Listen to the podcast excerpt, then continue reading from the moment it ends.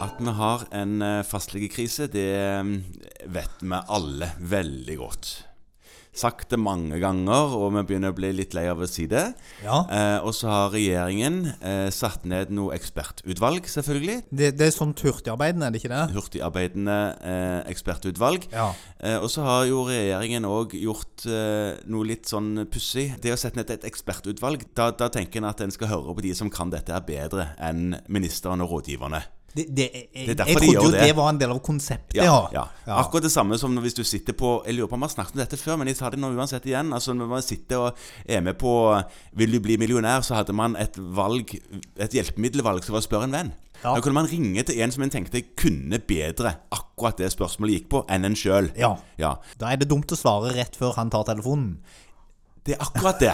Men det er jo det som har skjedd her. Altså, Nå har regjeringen kommet med eh, noe eh, nytt angående basistilskuddet.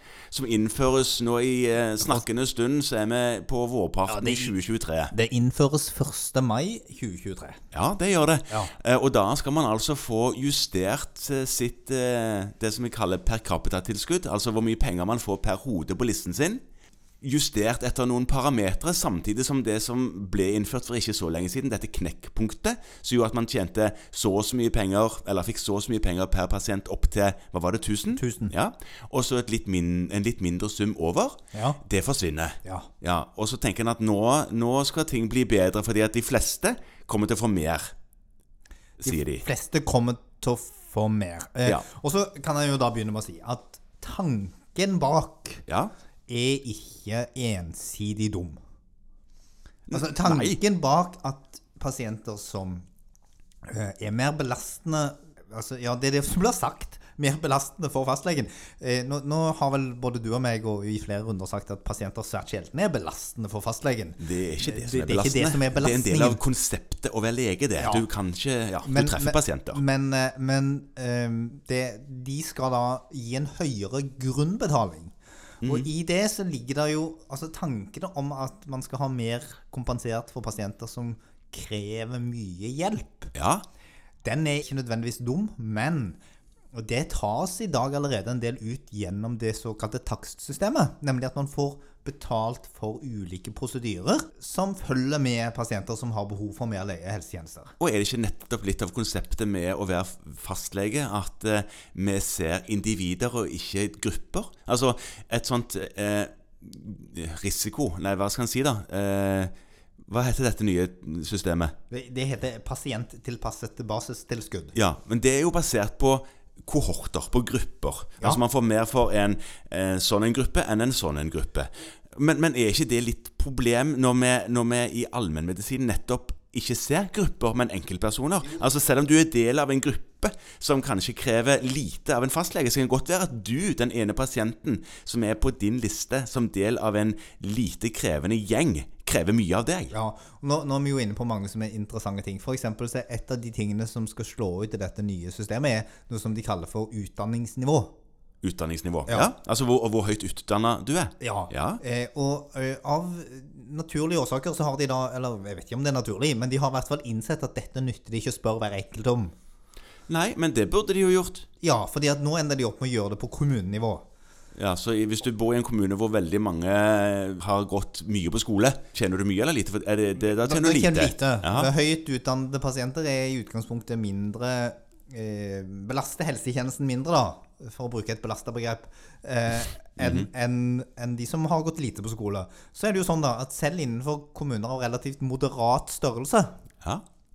så kan du ha en praksis med en enorm skjevfordeling.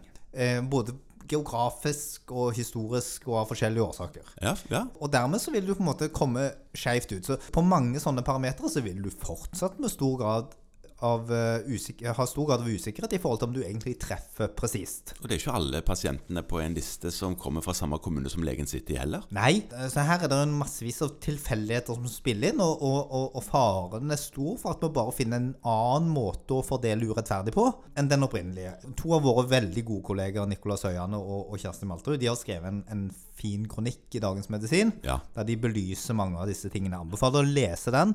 Eh, kom ut 31. der de på en måte påpeker dette og andre ting, nemlig antageligvis så må man heller øke det generelle driftstilskuddet. Likt for alle. Kanskje beholde knekkpunktet? Det er god idé å beholde knekkpunktet, så folk får litt kortere lister. Og så heller eh, stimulere gjennom takstsystemet til at de som har behov for mye helsetjeneste, at man får kompensert det som fastlege. Ja. Eh, fordi det vil treffe mye mer presist, for da vil det, som du sier, handle om enkeltpersonen, ja. og, og ikke på gruppenivå. Nettopp. Eh, fordi at nå er hele denne kalkule- Det er jo et annet problem, altså som næringsdrivende, Ja. å ha en budsjettering som handler ut ifra hvilke pasienter som til enhver tid er på listen din. Mhm. Det vil skape enda mer usikkerhet på, på inntektene dine. Ja visst. Og, og, og nå sitter vi jo i et litt sånn vakuum akkurat nå i snakkende stund. Kvinner er jo da, ifølge staten nå, så vet ikke om du har fått med deg det, Jo, det er kjempebelastende. kvinner er veldig belastende. Kan, ja, sant. Det er jo òg et problem. Ja. Det, det, ja, ok. Jeg vet ikke hvordan kvinner stiller seg til det, men, men jeg tenker jo at det er jo interessant at man i dagens samfunn skal kunne si det. Ja, Å få lov til å si det i det hele tatt. Ja, ja. Og eldre er mer belastende i dette systemet. Så hvis du er en dårlig eller lavt utdanna eldre kvinne, da, de vil man gjerne ha, for da tjener man mer. Ja, men Man vil ikke ha det. Man vil ha en lavt utdannet eldre kvinne som Nei, man vil ha en eldre kvinne som bor i en kommune der utdanningsnivået generelt er Ja, lavt. hun kan, ha gått, hun kan jo ha gått på skole hele livet. Kan ha doktorgrad hvis du på en måte bare bor veldig, veld, i en veldig, veldig lavt utdannet kommune. Ja. Helst litt langt fra et sykehus. ja, nettopp. Ja, Hvis du i tillegg da i fjor hadde en eller annen litt avansert sårinfeksjon som gjorde at du gikk til legen 35 ganger Ja. For det skal du også få betalt for, de som historisk sett har gått mye til legen. Mhm. Litt usikker på om de klarer å måle det på diagnose, fordi at dette, her er du jo inne på tilfeldigheter. ja, virkelig. Sånn at eh, noen, noen har jo sagt at dette er jo litt sånn lotto. Hele greia, hvor mye du får betalt. Jeg, jeg, jeg får litt sånn følelse av denne Joker Nord-sketsjen, jeg. Ja! Sånn, Joker Nord meets basistilskuddet, liksom.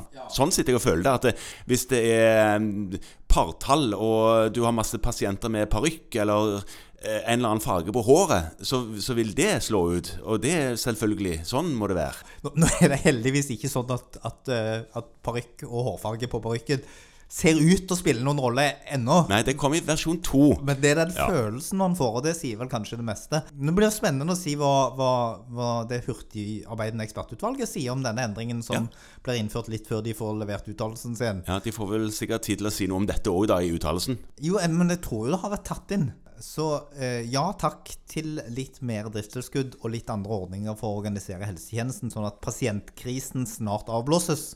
Ja. For la oss nå si det til slutt, da. Det er jo ikke en fastlegekrise. Fastlegene flest har det jo ikke forferdelig, og vil antageligvis klare seg. ja, De vil klare seg, men de, hadde de hatt det helt grusomt, så hadde de jo bytta beite, kanskje. Eh, Flere hadde gjort det, men hovedpoenget her er at vi må få på plass fastlege. Ja, Over 200 000. 000 eh, nordmenn står uten fastlege nå. Ganske mange over 200 000, faktisk. Og dette er antageligvis ikke medisinen.